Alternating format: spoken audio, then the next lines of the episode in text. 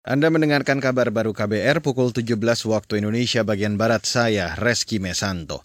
Saudara Presiden Joko Widodo meminta Menteri Luar Negeri Retno Marsudi membahas persoalan ekonomi antara Indonesia dan Vietnam. Arahan itu disampaikan Menlu Retno Marsudi usai menemani Presiden Jokowi menerima kunjungan Menlu Vietnam Bui Tan Son di Sana Merdeka Jakarta hari ini. Dalam pertemuan tersebut, Presiden Jokowi memberikan tiga arahan terkait kerjasama perdagangan kedua negara yang diklaim terus meningkat. Target pemenuhan perdagangan 10 miliar US dollar telah terlampaui. Oleh karena itu, Bapak Presiden mengatakan penting bagi uh, dua negara untuk menetapkan target baru uh, untuk beberapa tahun ke depan. Dan ini nanti akan kita bahas pada saat pertemuan bilateral kedua Menteri Luar Negeri. Menteri Luar Negeri Retno Marsudi mengatakan Presiden meminta adanya pembahasan iklim investasi. Menurutnya, investasi Indonesia di Vietnam cukup banyak mencapai lebih 600 juta dolar Amerika Serikat. Untuk itu, Presiden berharap para investor Indonesia di Vietnam mendapatkan perlakuan yang adil. Beralih ke lantai bursa, saudara, indeks harga saham gabungan atau IHSG ditutup menguat pada perdagangan hari ini.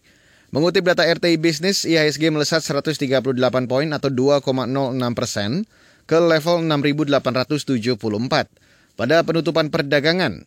Sepanjang perdagangan, IHSG bergerak di zona hijau pada rentang 6.778 hingga 6.880.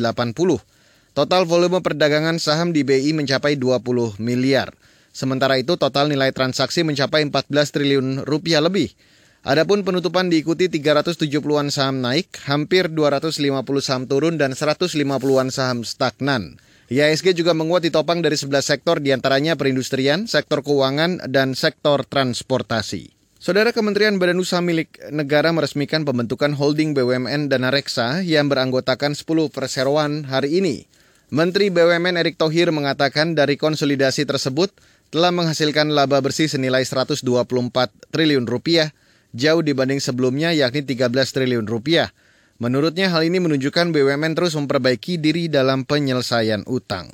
Itu kita sekarang konsolidasi laba bersihnya yang tadinya 13 triliun naik ke 124 triliun. Ini loncatan yang luar biasa karena kerja keras kita bersama-sama, bukan kerja individu. Hutang pun kalau kita lihat rasio hutang dengan modal yang diinvestasikan itu menurun dari 39% menjadi 35%. Artinya apa? Image yang dibilang BUMN banyak hutang salah.